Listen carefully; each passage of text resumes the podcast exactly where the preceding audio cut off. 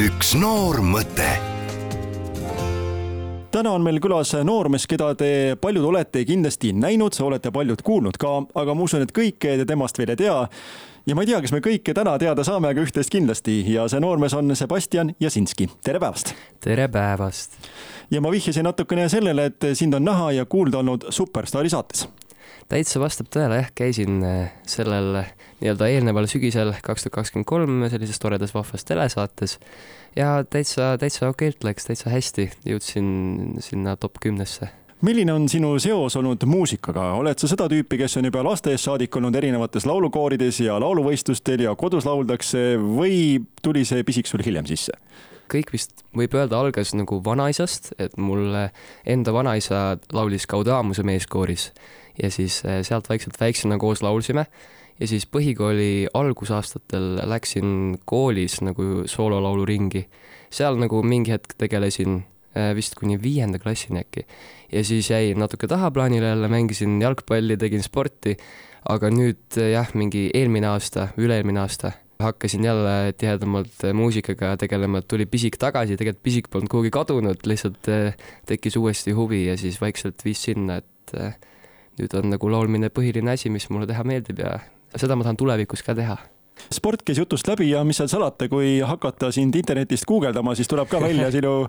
sportlase pisik, see pilt on küll natuke varasemast ajast, aga kas see jalgpall käib praegu ka sinu elus endiselt veel kaasas või? ja jalgpalli mängisin äh, päris pikka aega, enda arust üheksa aastat või kümme aastat vist. praegu ma kahjuks ei ole aega, et sellega nii palju tegeleda, et äh, muusika on võtnud täielikult üle, et see on minu täielik kirg, aga jalgpalliplatsil ma käin ikka Tammekat enda koduklubi vaatamas, et paljud sõbrad, eakaaslased on jõudnud juba kas siis esindustiimidesse või sinna duublitesse, et sõpru käin ikka toetamas ja jalgpall on nagu südames ikka veel, et see ei ole kadunud kuhugi, lihtsalt praegu on natuke tagaplaanil, et ja harrastan küll vahepeal niimoodi, rahvaliigat vahepeal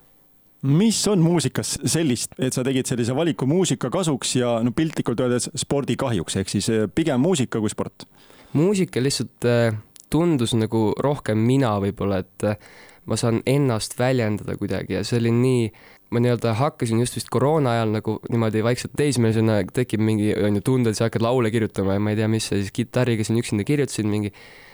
mida vanemaks ma saan, seda rohkem ma oskan seda nagu paremini teha, ennast avada, ennast sinna mingi sõnadesse, sõnade taha peita.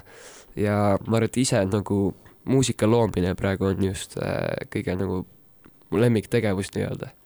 ja lisaks eh, kõigele muule jagub sul aega veel selleks ka, et tegeleda äritegevusega, ehk siis eh, sul on käsi sees õpilasfirmas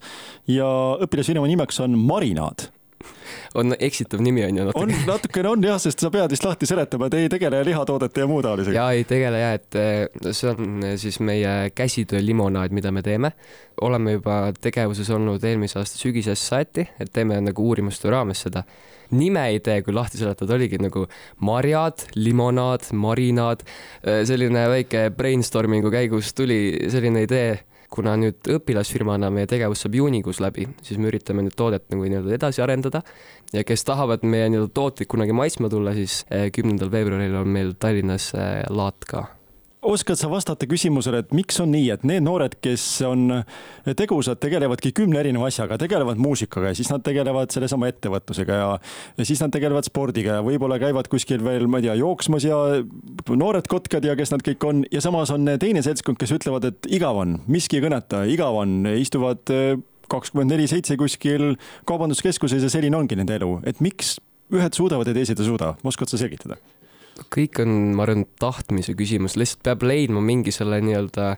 if'i, mis on nagu sinu jaoks see, mis sa tahad eh, teha ja mis sind kõnetab. ongi näiteks minul võib-olla muusika, kellelgi teisel on hoopis midagi muud, on ju. aga see, et eh, tõmbab ligi, see, et kui sa juba millegagi tegeled, siis hakkab juurde kuhjuma. Endal ka viimase aastaga on niimoodi tulnud neid asju juurde, praegu on päris nagu tihe elugraafik. aga võib-olla ongi, et kui sa oled ise nii nagu selles äh,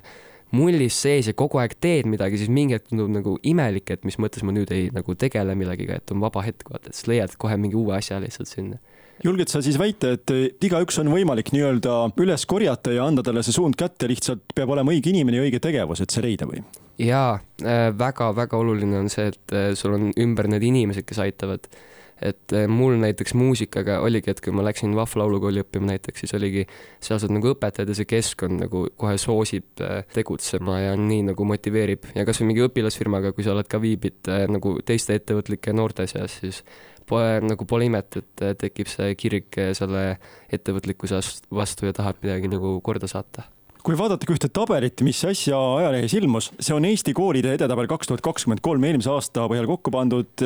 sa õpid Tartu Jaan Poska gümnaasiumis hetkel, kas sa tead ka, mitmendal kohal sinu kool selles tabelis on? Äh, me olime suht kõrgel vist isegi, ma arvan, top kaheksas kindlasti, kui ma ei eksi. lausa kuuendal kohal. ohoh, no täpselt, ma räägin, korralik. kui suur roll on sellel koolil, kus õpilane õpib, et ütleme, sina oled siin kuuenda koha koolis kas sa usud, et sa oleksid täpselt samasugune, sama tegus, sama edukas ka siis, kui sa oleksid koolis, mis on võib-olla sajandal või saja neljandal kohal? tegelikult äh, nii suurt rolli ei määra ju, mis kohal nagu see kool mingi edetabelis asub, lihtsalt see, et kas see kool on sinu jaoks õige. ja minu puhul õnneks on nii hästi läinud, ma võin öelda, et Poska on minu jaoks see number üks kool, et nagu nii toetav äh, seltskond ja mul nii nagu omad inimesed kasvõi selle Superstaari saatega seoses, et äh, kui ma käisin, siis kogu nagu kool oli nii-öelda nagu kogukonnana taga. ma arvan, et kui mina oleksin mingi selles nii-öelda alumise otsa koolis, mis ma ei ütle nagu halvasti üldse, ma oleks võib-olla natuke teistsugune inimene, aga mingil oma, omal määral hea, kuidagi omal alal hea oled sa, Sebastian, kuidagi enda jaoks koostanud, kas mõttes või päriselt ka nimekiri asjadest, mida sa elus tahad teha või kuhu jõuda või mida proovida või? kusjuures jaa, ma tegin väga naljakas uusaasta lubadused, ma see aasta tegin nagu nimekirja mitte lubadustest, vaid mida ma tahan lihtsalt saavutada selle aastaga. Kuna muusika on minu kirg on ju ja tegelen sellega, siis mul olid nagu enamus neid aspekte olid ikkagi seal muusika kategoorias. ma kindlasti tahaks proovida Eesti Laulule minna lähiaastal eh,, oma mingi loomingut avaldada, et ma kusjuures, või no ongi, et ma olen kirjutanud oma loomingut, aga nüüd sellega pakkuda teistele inim inimestele seda ma arvan, et mingi oma bänd, kuna praegu on hästi palju mingeid väikseid esinemisi väiksema koosseisuga ja, või siis ise saadan siis oma nagu kamp kokku jääda, et praegu nagu vaikselt, vaikselt susiseb. Ma jätsin lõpetuseks kõige raskema küsimuse kui inimene teeb väga palju ja kõik asjad tulevadki võrdselt hästi välja ka, kuidas teha neid valikuid elus, mida põhjalikumalt ette võtta ja mida siis tahaplaanile jätta, kui tõesti kõik tegelikult õnnestub? Kui sul on palju asju, millega sa tegeled, siis mingi hetk tekib see nagu lemmik ja üks nagu favoriit äh, minu arust nagu, sa pead mingi hetk aru saama lihtsalt ise sellest, et mis on see kõige nagu tugevam asi, mille, milles sina oled kõige tugevam nii-öelda jälle enda näitel, et laulmine oli ka nagu tükk aega mul seal nagu plaanil pildis, aga just hiljuti nagu, kui ma sain aru, kui ma olin need õiged inimesed enda ümber leidnud, kes mind on aidanud sinnamaani, siis ma sain aru, et see on nagu see, millega ma päriselt ka tahan tegeleda. Tuleb leida õiged inimesed, tuleb olla ise motiveeritud ja siis on nagu kõik,